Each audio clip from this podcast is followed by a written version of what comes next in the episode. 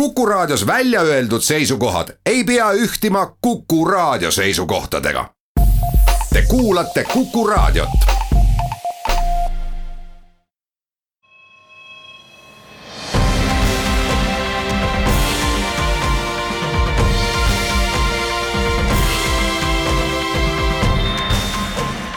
Buum.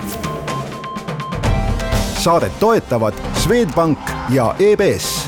nähes ja luues võimalusi tere päevast, on kaheksateistkümnes aprill, kell on saanud loetud minutid üksteist läbi, oleme taas eetris Buumi saatega. saatejuhid on sedapuhku Anto Liivat ja Ilona Nurmela. uudisteploki avame kõigepealt äh, aruteluga selle üle, kas õnnetusjuhtumid isejuhtivate autodega sunnivad selle tehnoloogia kasutuselevõttu edasi lükkama. seejärel äh, arutleme mida võiks oodata tehisintellektilt ning millised uued tooted ja teenused võiksid lähiaastatel turule tulla. räägime ka sellest, et ettevõtete eluiga lüheneb ning uurime, kuidas on omavahel seotud töötajate tööga rahulolu ja ettevõtete finantstulemused. meie tänased saatekülalised on Swedbanki tööstusosakonna juht Raul Kirsimäe ja Krahpipes tegevjuht Peeter Kirtsi, kes aitavad meil ka uudiseid kommenteerida aga nii nagu lubatud sai, alustame kõigepealt isejuhtivate autode temaatikaga. märtsi keskpaigas ajas Uberi iseliikur Arizonas alla naisratturi, kes hukkus. Tesla põrutas Californias märtsi lõpupoole kiirtee piirdesse. ka Tesla juht kahetsusväärsel kombel hukkus. tagantjärele tarkusena arvatakse, et Uberi äh, juht, äh, kes äh, siis ajas alla Arizonas naisratturi, tegelikult ei jälginud õnnetuse hetkel teel toimuvat ja väga palju on arutletud viimasel ajal eh, selle üle, kuidas ikkagi juhtida uuele isejuhtivatele autodele tehnoloogilist eh, üleminekut. ja millal peaks autojuhtimise üle võtma inimeselt eh, masin ja kas ja kuivõrd inimene peaks sekkuma. loomulikult on siin palju regulatiivseid arutelusid, aga igal juhul alati alati ja ma arvan, et lähitulevikus äh, veel väga-väga palju kordi pälvib maailma meedia esikülgedel tähelepanu see, kui äh, isejuhtivad autod miskisuguse liiklusõnnetuse toime panevad. statistika samas kipub rääkima nende autode kasuks. kuidas teile tundub, kas äh, isejuhtivate autode tehnoloogia juurdumine ja omaksvõtt võtab veel kümmekond aastat või viisteist aastat või pigem me oleme nende inimohvritega nõus leppima? Ma arvan, et tervist ka minu poolt, ma arvan, et, äh, et kui me vaatame seda tehnoloogia poolt, siis äh, tegelikkuses me juba näeme, et paljudel autodel on need erinevad abivahendid juba olemas. Ol-, olgu siis tegu pidurduslahendustega, rea jälgimisega, liiklusmärkide tuvastamisega, et eks see on mingis mõttes selline kohanemisprotsess ja ma arvan küll, et see on juba alanud. mina, noh tere ka minu poolt äh minu arvates on siin kõige suuremaks küsimuseks on see, et täpselt ise mainisite ka, et et mis hetkel peaks inimene üle võtma ja mis hetkel või mis hetkeni juhib siis auto ennast ise või siis kogu see algoritmide pool. et küsimus äh, taandub ju sinna, et, et kui on isesõitev auto, siis inimene on laisk ja siis ta lihtsalt ei tegele juhtimisega ja seda näitas ka see Uberi õnnetus, et tegelikult sa ei jälgi, mis toimub ja see on see kõige-kõige suurem risk et kui noh, mina ise arvan seda, et kui see peaks üle minema konkreetselt isejuhtivatele autodele, siis see peab olema selline, et siis nagu inimesel enam väga palju seal tegemist ei tohiks olla, sest vastasel juhul kindlasti on see risk, et midagi juhtub no kindlasti juristid näevad siin head leiva teenimise võimalust, äh, käies nii ähm, Uberi, ähm, Tesla kui ka kõigi teiste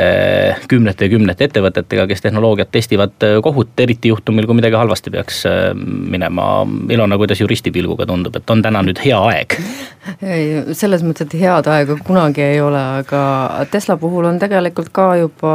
selle hukkunu omaksed on kohtuasja püsti pannud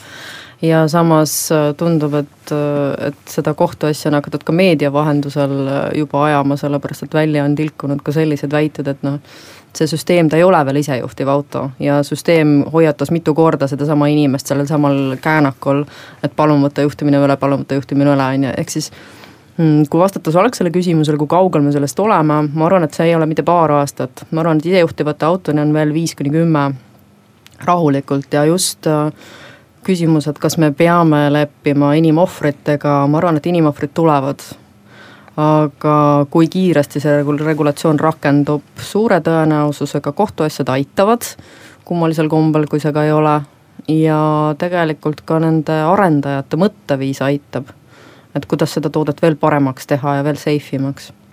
nojah, kui ajalugu meenutada, siis esimene bensiiniauto näiteks Detroitis äh, veeres tänavatele tuhande kaheksasaja üheksakümne kuuendal aastal. tuhande üheksasaja kaheksandal aastal peeti seda Detroiti linnakeskkonna üheks kõige tõsisemaks äh, probleemiks. mõne kuuga hukkus õnnetustest kolmkümmend üks inimest. ma kipun ka kartma, et me oleme täna alles alguses, kui California osariigis on üle viie, enam kui viiekümnele ettevõttele väljastatud load isejuhtivate autode testimiseks, siis need mõned õnnetused äh, küllap on alles algus. samas ma arvan, et ega inimesed äh,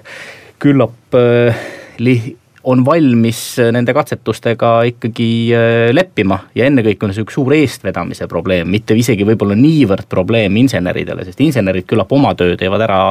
ära ikka. aga mõtleme siit korraks edasi, CB Insights on avaldanud oma uuringute põhjal trendiülevaate tehisintellekti arengutest. tegemist on ühe kõige atraktiivsema tehnoloogiaäri valdkonnaga investorite jaoks vähemalt. möödunud aastal investeeriti enam kui viisteist miljardit dollarit ja võrreldes kahe tuhande kuueteistkümnenda aastaga oli see siis enam kui saja küm-, saja neljakümne protsendiline hüpe. tundub, et seal nähakse väga palju põnevaid ärivõimalusi millised on teie jaoks täna põnevamad äh, tooted-teenused, mida tulevastel aastatel oodata võiks? mulle endale tundub, et kogu selle tehisintellekti poole pealt on, on kindlasti ütleme, meditsiin ja diagnoosimine selline pool, kus võiks olla hästi-hästi suur samm edasi, sellepärast et kui kui täna ikkagi ütleme, inimene teeb äh, otsuseid nagu enda kogemuse baasil, võib-olla noh, nimetame seda, guugeldab kuskilt ka teisi tulemusi ja võrdleb siis omavahel äh, võimalikke siis sümptomeid ja, ja, ja mis siis diagnoos võiks olla. siis ütleme, tehisintellektil arvest-, eeldades, et, et see võimaldab ka siduda erinevaid haiglaid, erinevaid instituute üle maailma et siis diagnoosimine eelduslikult võiks olla oluliselt täpsem ja minu teada on selle kohta ka mingid katseid tehtud, et see nii-öelda võiks niimoodi toimida. et ma arvan, et see on selline võib-olla mitte kõige huvitavam, aga kõige käegakatsutavam ja võib-olla ka sihuke inimkonnale nii-öelda midagi tagasiandev Raul, midagi tööstuse poole pealt, eriti arvestades, et Eesti ettevõtete digitaliseerituse tase ei ole üle mere kõrge? tõsi ta on, et digitaliseerimises jääme Eestis Euroopa keskmisest üksjagu äh, tahapoole aga ma ütleks, et võib-olla sellesama teemaga seotult, et, äh, et ai-ga äh, seoses, ma arvan, selle arenguga seoses me näeme seda liikumist ka teistesse sektoritesse. ja ma julgeks öelda, et ka sellises traditsioonilises tööstuses tegelikult äh, sellised järjest enam infotehnoloogilised digitaalsed lahendused ikkagi tulevad peale ja mida targemaks muutub ai, mida targemaks muutuvad ka sellised spetsiifilised lahendused tööstusettevõtetele, seda rohkem protsesse nad suudavad üle võtta ja seda me näiteks võrdluses juba teiste riikidega, näiteks Saksamaaga võrreldes autotööstustega ka näeme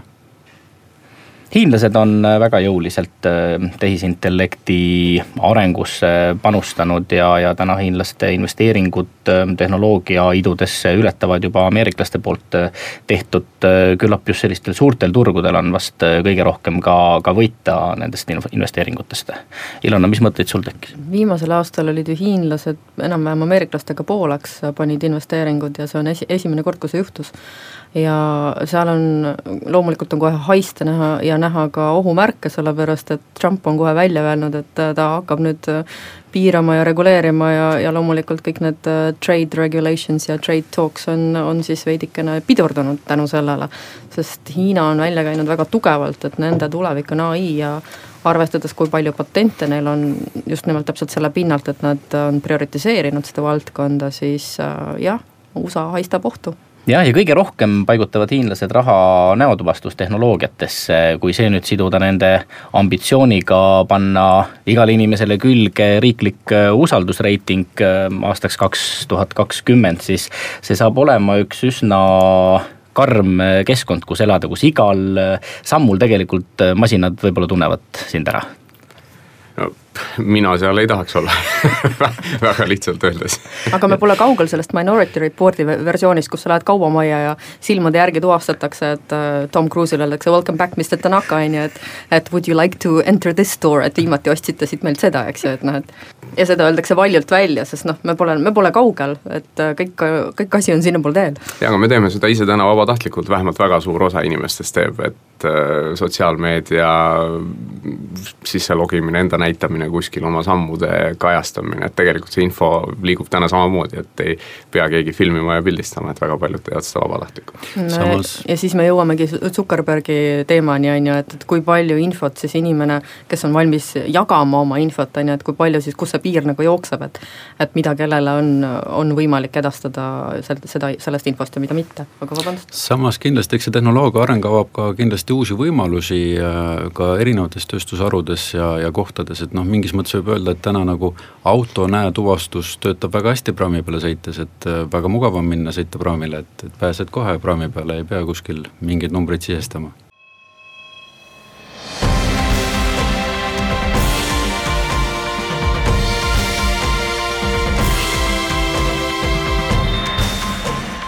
Buum.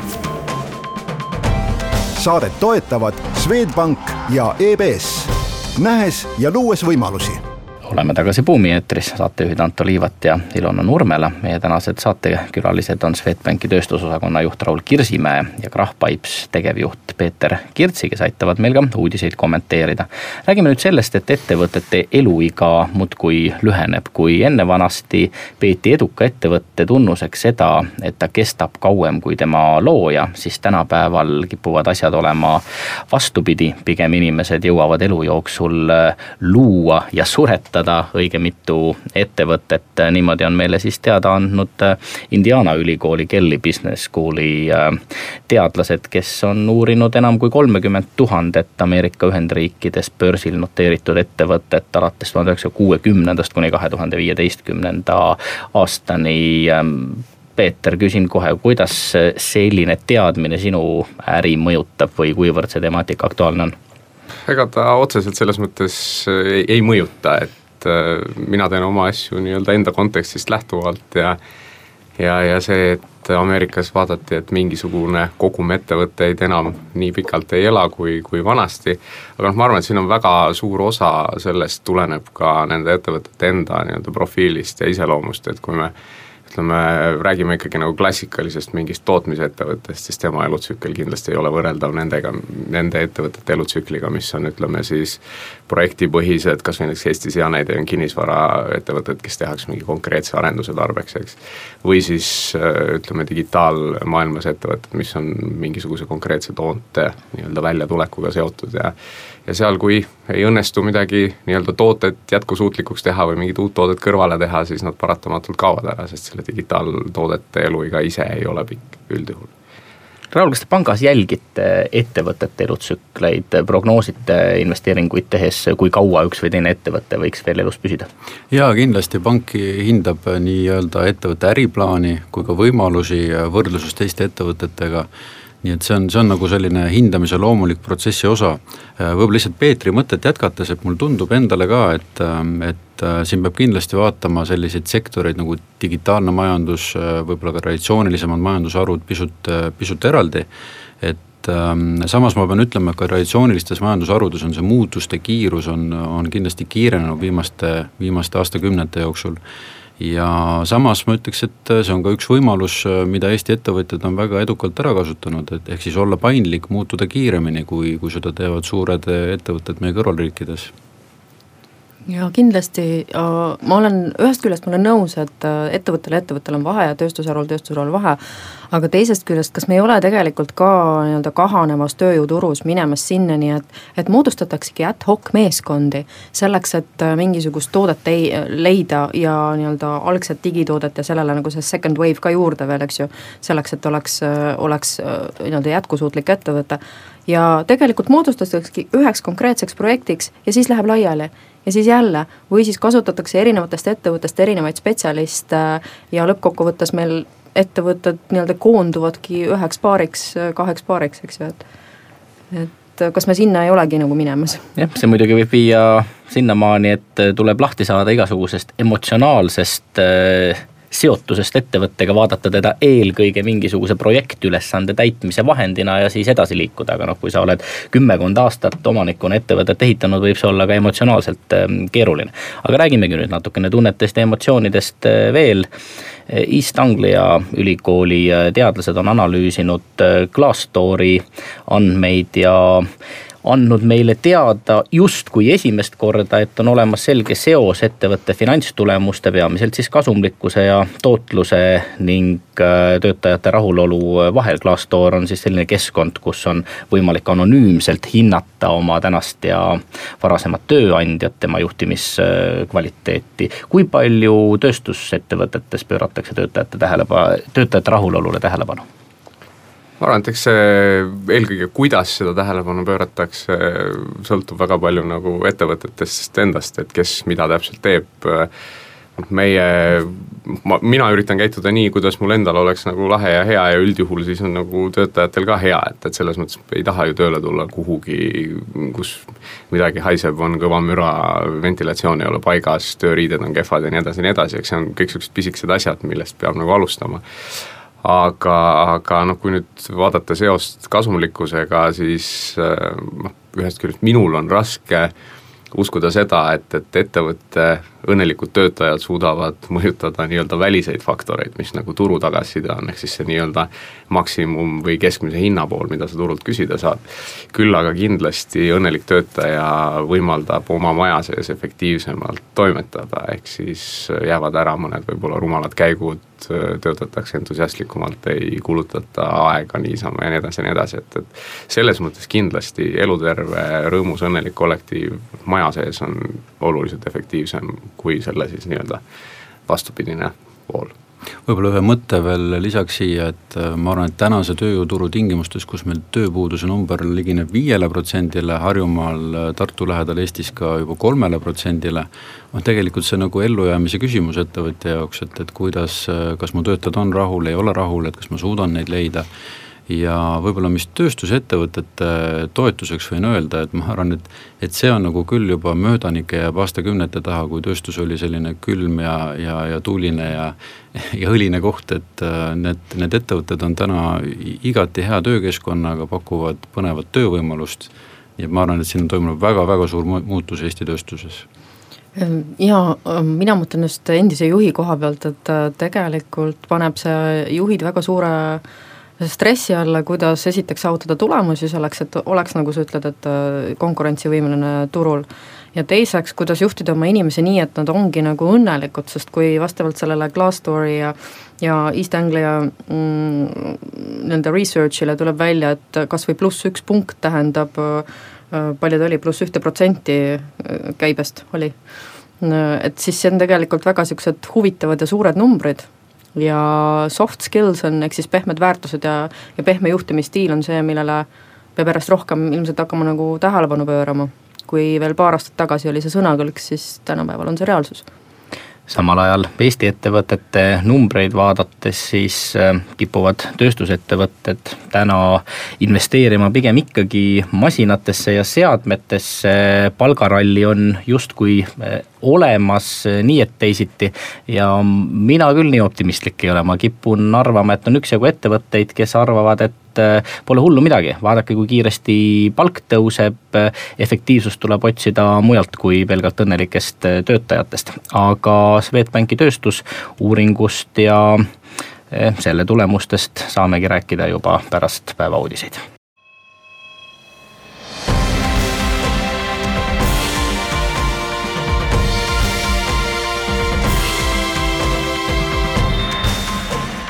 Buum saadet toetavad Swedbank ja EBS, nähes ja luues võimalusi. Oleme tagasi Buumi eetris, saatejuhid on täna Anto Liivat ja Ilona Nurmela. Meie külalisteks on Swedbanki tööstusosakonna juht Raul Kirsimäe ja Krahh Pipes tegevjuht Peeter Kirtsi. räägime nüüd äh, tööstusest ja täpsemalt siis töötlevast tööstusest. tööstuse temaatika ei pruugi olla paljude jaoks kaugeltki nii atraktiivne kui startup indus, ometi on tööstus Eesti suurim majandussektor enam kui saja kahekümne viie tuhande töötajaga,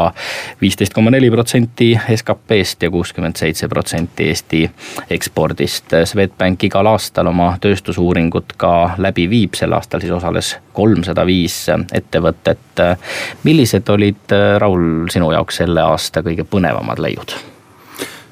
jaa, kõige huvitavam ma ütleks, oli see, et tulemused olid mõnevõrra vastandlikud ja mõtlemapanevad, et ühelt poolt on justkui hea aeg, et kui vaatame käibe kasvatamise võimalusi, siis ettevõtjad olid ka uuringus, osa need ettevõtjad olid äh, suhteliselt positiivsed, äh, üle, üle seitsmekümne protsendi näevad võimalusi käibe kasvatamiseks, keskeltläbi oligi selline käibekasvu prognoos äh, seitse protsenti ja samuti on ekspordigeograafia laienemas. Ja, ja kui vaadata ka seda, mis toimub meie, meie sihtturgudel, siis tegelikult võib öelda, et kõikidel meie sihtturgudel on hetkel majanduskasv ehk teisipidi neid võimalusi justkui ettevõtjate jaoks jagub. Mis nüüd nagu paneb mõtlema, on, on võib-olla kõik see, mis toimub investeeringute poolega ja, ja samuti siis ka need väljakutsed, ehk ennekõike tööjõuturg, kulude kasv. Ja ma julgeks välja tuua ka selle, et ja täiesti mõtlema pani see, et me oleme ikkagi näiteks Leedust oleme oluliselt maha jäänud nii lisandväärtuses töötaja kohta kui ka ettevõtete digitaliseerimises. Et mul tekkis kohe küsimus, kusjuures kui ma seda uuringut lugesin, et et kõik prognoosivad suuremat käivet ja kõik prognoosivad äh, rohkem eksporti, et kas eksportturud on fookuses sellepärast, et muud kulud tegelikult ka suurenevad, sest äh, äh, nii-öelda üritades hoiduda pika küsimuse küsimusest loogiline on see, et, et kust sa nagu raha juurde saad, on see, et kas sa cut'id kulusid või siis sa leiad volüümi rohkem, et kui eksportturg, siis see on rohkem volüümi, et minu jaoks oli nagu see seos, et Raul, mis sa kommenteerid? Jaa, ma ütleks, ma lisaks kolmanda asja veel juurde, mis jätsid mainimata, et ka, et ka sellise keerukamate ja kallimate toodete arendamine ja müük on kindlasti see, mis aitab. aga, aga ma arvan, et see fookus välisturgudel on väga, väga loogiline, sest kui me isegi võtame ettevõtete omavahelise allhanke välja, siis ma julgeks öelda, et täna tööstusettevõtete puhul ikkagi pea üheksakümmend protsenti toodangust läheb eksporti. ehk midagi ei ole teha, meie oma koduturg on ikkagi suhteliselt väikene ja ka viimane kriis näitas seda, et, et kri-, kriisi tulles võib meil siin kohapeal need muutused, negatiivsed muutused võivad olla väga-väga suured, nii et igal juhul tasub minna välisturule Peeter, mida te Krahhpipe siis täpsemalt teete ja kui suur osa teie toodangust ekspordiks läheb? meil on lihtne, nagu nimigi ütleb, et, et torud on nimes sees, et me toodame suure läbimõõdulisi torusid, ehk siis äh, alates poolemeetrise diameetriga ja kuni kolme meetrini. ja, ja meil tegelikult kohe, kui me alustasime, meil oli sisse kodeeritud see, et me plaanisime vähemalt kaks kolmandikku Eestist välja müüa ja, ja täna nüüd me oleme jõudnud sellele tasemele, et äh, meil on siin nüüd viimased viis aastat äh, olnud kodumüüki siin kaksteist kuni neliteist protsenti selles vahemikus, ülejäänud on eksport. ja, ja eelmine aasta, ma nüüd õigesti mäletan, oli vist kolmteist protsenti Eesti müüki ja siis kaheksakümmend seitse siis igale poole mujale välja Eestist. kas välja müües on marginaalid paremad? Äh, paradoksaalne, selles mõttes, et äh, plastiturg äh, on selles mõttes või siis ütleme, plasttoodete turg, kui me võtame nüüd ütleme toru, torud ja sarnased torudest tehtud siis seadmed, siis on, ma pean lihtsalt väikse eelloo ära rääkima, et, et kõik, mis mujal on öko, on kallis ja hea, siis meil on kõik, mis on öko, on, on odav ja tegelikult nagu hästi ebakvaliteetne ja halb. ja, ja meie oleme ennast positsioneerinud väga selgelt, et me kasutame ainult esmajärgulisi tooraineid, mis tähendab seda, et me oleme juba sellest äh, nii-öelda turu keskmisest hinnatasemest üle siis nendel turgudel, kes on nagu puhtalt äh, hinnale orienteeritud. ja täna paraku Eesti seda väga selgelt on. kuigi ka siin tuleb nüüd rohkem ja rohkem juba ehitajaid, äh, omavalitsusi, ütleme vee-ettevõtteid, kes nagu põhitellijad on ette, kes enam nagu teatud ettevõtete toodangut lihtsalt ei soovi kasutada, kuna sellega kaasnevad paratamatult mingid probleemid. nii et sellest tulenevalt et äh, jah, kui valik on müüa Eestisse või Rootsi, siis Rootsis on hinnad natuke paremad, sellepärast et turunõuded, kvaliteedinõuded toodetele on natuke teised ja sellepärast on ka ütleme, hinnad siis kõrgemad. tohib, tohib, ma küsin ka kohe, et, et kuna kvaliteet tähendab minu jaoks nagu seost ka efektiivsusega ja, ja siis sellest samast uuringust seo-, seondus ka see, et leida, et äh, lisaks efektiivsuse tõstmisele peaks ka automatiseerimine toimima, siis kas teie ka plaanite oma ettevõttes rohkem automatiseerida ja kuidas rohkem efektiivistada siis? Noh, kvaliteet äh, pigem võib tähendada ka seda, et väga efektiivne ei ole, kui sa pead liini pealt mingeid asju ära võtma, eks mm. -hmm. aga meil on tootmise eripärast tulenevalt on, on, on selline olukord, et meil standardtoodangut on hästi vähe, mis teeb äh, meil sellise ütleme, automatiseerimise, robotite kasutamise, niisuguse hardcore digitaliseerimise nagu pisut raskemaks, sellepärast et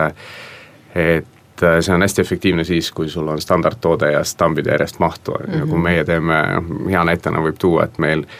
siis nii-öelda konstruktsioonide ehitamise poolelt me oleme sealt välja müünud äh, meie siis üheksa ja natuke peale aasta jooksul seal üle üheksa tuhande erineva toote. ja, ja sellest äh, on olnud sada ühesugust toodet, kõik muu on, on, on täiesti erinev. mis tähendab seda, et, et meil nagu sellist noh, ütleme siis majanduslikult mõistlikku võimalust äh, kuidagi automatiseerida hetkel me ei ole nagu leidnud mm. -hmm. aga me võtame iga aasta nagu jupphaaval ja, ja mõne sõlme teeme jälle ära, näiteks eelmine aasta me käivitasime automaatse kvaliteedikontrolli süsteemi, mis noh, meie puhul äh, on, kuna iga torul on teatud parameetrid on vaja nii-öelda üle mõõdistada, kirja panna, mahud ja mõõdud on suured, äh, selle nii-öelda skaneerimine, mõõtmine oli suhteliselt problemaatiline me nüüd siis kaks pool aastat selle küsimusega tegelesime ja saime, saime selle lahendatud. ja leidsime ööpäevas umbes kuus tundi tööaega maast, et vahva. selles mõttes on väga vahva, jah. Raul, kas vaatamata sellele, et äh, tööstuse keskmine brutokuupalk äh, möödunud aastal äh, oli enam-vähem sarnane Eesti keskmisele palgale, võime me ikkagi väita, et inimtööjõud tuleb täna Eestis robotitest odavam ja see on üks neid põhjuseid, miks ettevõtted ei ole kuigi motiveeritud Ähm, tehnoloogiasse panustama? ma arvan, see on selgelt muutumas ja muutunud juba, et äh, kui vaatame tulevikus, ma arvan, et sellised lihtsamad töörollid, et nende asendamine masinate ja seadmetega on äh, kas juba toimunud või toimumas, et, et noh, need tasuvusajad nendel projektidel on ikkagi tänaseks juba piisavalt lühikesed, seda esiteks. teiseks, kui me vaatame tööjõuturgu, siis olukorras, kus ka ettevõtjad plaanivad nagu töötajaid juurde palgata ja meie tööpuudus on sellisel tasemel, nagu ta täna on, siis neid inimesi lihtsalt ei ole võtta mis on võib-olla hea uudis tegelikult äh, ka töövõtjate jaoks, on see, et need uued ametikohad, spetsialisti ametikohad, mida ettevõtetes vajatakse, on tegelikult tasustatud keskmisest kõrgema palgaga, nii et äh, tegelikult igati hea võimalus töötaja jaoks. jah, tõsi, ka eelmises äh, saateplokis räägitud suur trendiuuring tõi ju välja tõsiasja, et näiteks Amazon samal ajal, kui ta installeerib üha uusi tööstusroboteid, Äh, ennekõike siis logistika optimeerimiseks äh, värbab äh, suurel hulgal ka inimesi, lihtsalt inimesed pannakse tihtipeale neid roboteid kantseldama või neist saavad nii-öelda robotite lapsehoidjad. kuulame nüüd vahepeal ära kaubanduslikud teadaanded ja vestleme pärast seda edasi.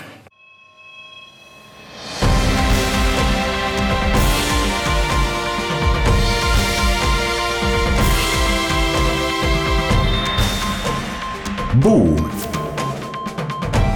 saadet toetavad Swedbank ja EBS, nähes ja luues võimalusi oleme tagasi Buumi eetris, saatejuhid Anto Liivat ja Ilona Nurmela, meie tänased külalised on Swedbanki tööstusosakonna juht Raul Kirsimäe ja Krahh Pipes tegevjuht Peeter Kirtsi. eelmises saateplokis äh, rääkis Peeter sellest, kuidas äh, kvaliteedikontrolli automatiseerimine aitas äh, vähemalt kuus töötundi justkui maast leida ja selle võrra sai ettevõte palju efektiivsemalt toimetada. Raul, on sul veel häid näiteid selle sellest, kuidas ettevõtted on äh, suutnud oluliselt efektiivsust tõsta? jaa, no ma ütleks, eks see automatiseerimine, digitaliseerimine on kindlasti fookuses, et ka meie, meie uuringust tuli välja, et äh, kümne palli skaalal hinnates kõige olulisust ettevõtja jaoks, kõige populaarsem vastus oligi kümme palli tööstusettevõtte poolt, et see on ikkagi väga-väga oluline teema. ja tulles tagasi selle eelneva näite juurde, siis mul kohe tuli meelde päris mitme ettevõtte lood, kes on siis kolmanda öise vahetuse pannud tööle seadmete ja robotitega ja inimese roll ongi lihtsalt võib-olla kaugelt distantsilt jälgida, et materjal ette jõuaks ja, ja et midagi kuskil protsessis nii-öelda tõrkeid ei tekiks. Aga miks meie teadus-arendustegevuse kulutused äh, ikkagi äh, nii madalad on võrreldes äh, teiste riikidega või ka tõsiasi, millele peaminister tööandjate konverentsil hiljaaegu tähelepanu juhtis, et tööstusroboteid on meil töötaja kohta ligikaudu seitse korda vähem kui maailma keskmine tase? jaa, see on tõsine probleem, et samas ma ütleks, et kui automatiseerimise, digitaliseerimisega täna ettevõtetes väga aktiivselt tegeletakse, siis teadus- ja arendustöö on äh, nüüd küll selline asi, noh, kus ma võin välja ka tuua selle, et uuringus osalenud ettevõtetest natukene üle veerandi oli sellega tegelenud ja mis oli ka põnev, et kui me uurisime, et kui oluliseks ettevõtted seda peavad, koostööd teadusasutustega, siis seda peeti suhteliselt äh, keskmine hinnang anti ettevõtjate poolt ja, ja probleemina toodi välja siis seda, et kohati on see lähenemine ülikoolide poolt liiga akadeemiline ja kohati on ka puudu vajalikke erialasid ja know-how'd Eestis samas aga, kas selle lahenduseks ei saaks olla näiteks see, et, et äh, ettevõtted teevadki endale oma innovatsiooniosakonna, kus nad panevadki fokusseeritult mingisuguse tiimi tööle teatud konkreetse projektiga, et kuidas me saame siit äh, väga vinge toote või kuidas me saame siit protsessi parandada. ja nad võtavad väljastpoolt nipet-näpet nii akadeemikuid kui ka seda, kui ka teist inimest, erinevaid eksperte juurde. ja nad lihtsalt rakendavadki niimoodi seda know-how'd ja siis see on juba rakenduslik ja siis ei saa olla niimoodi, et on üks projekt, mis antakse akadeemiale üle, akadeemia uurib midagi, annab tagasi ja siis nagu ei olda rahul tulemusega mm. -hmm no samas ma ütleks, et jaa, et see, selle mõttega ka päris paljud ettevõtted äh, tegelevad ja investeerivad, äh, siiski äh, ma tooks välja selle, et, et mis tuli ka uuringust välja, et ettevõtted, kes on, kellel on olemas koostöökogemus ülikoolide, teadusasutustega, nende jaoks oli see teema oluliselt olulisem, noh, nad, nende koostöökogemus oli positiivsem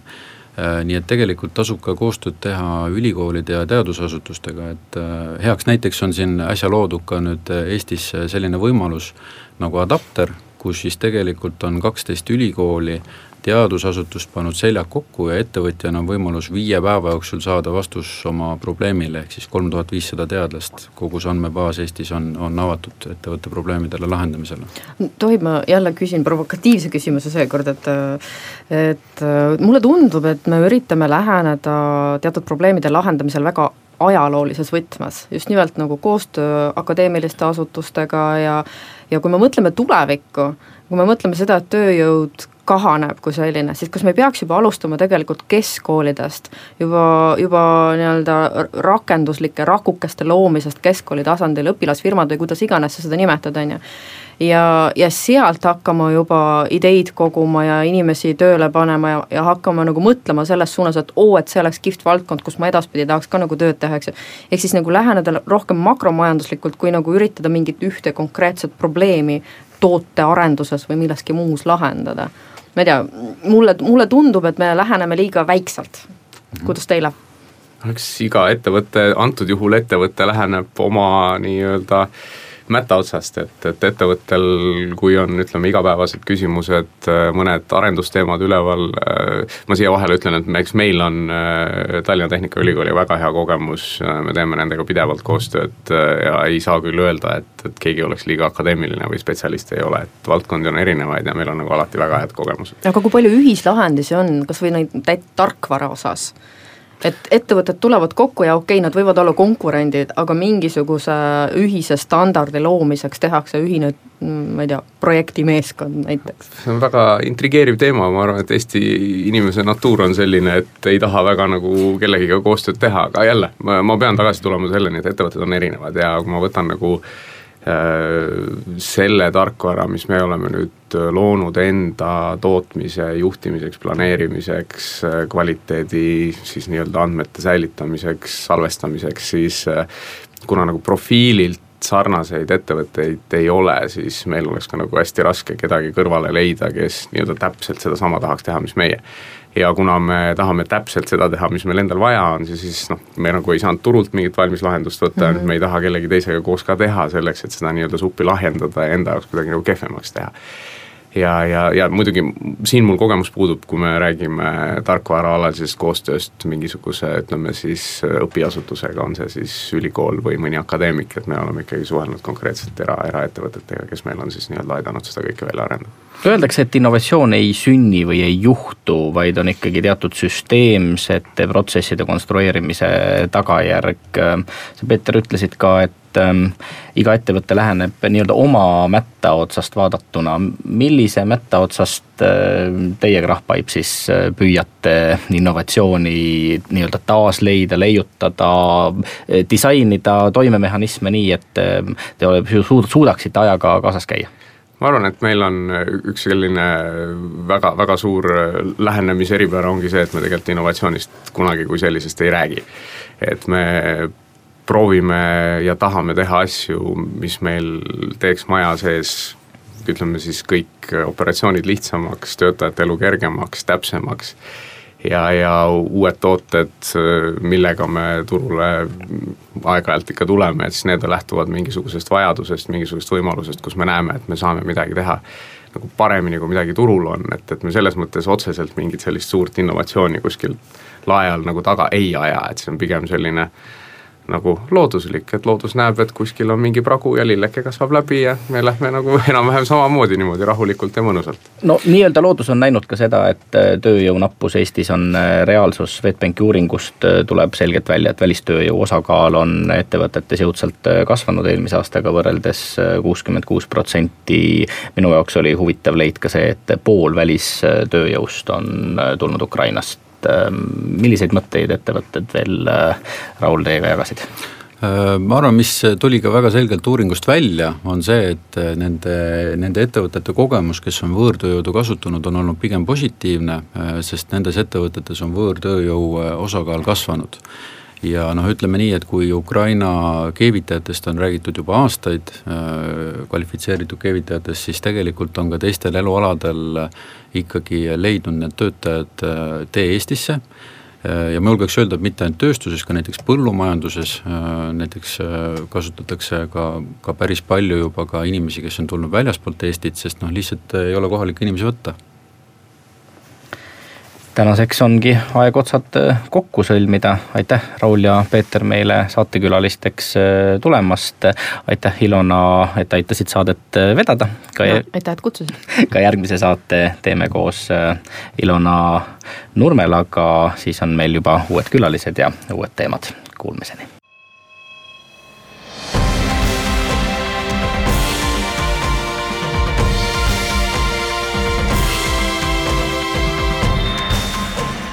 Buum.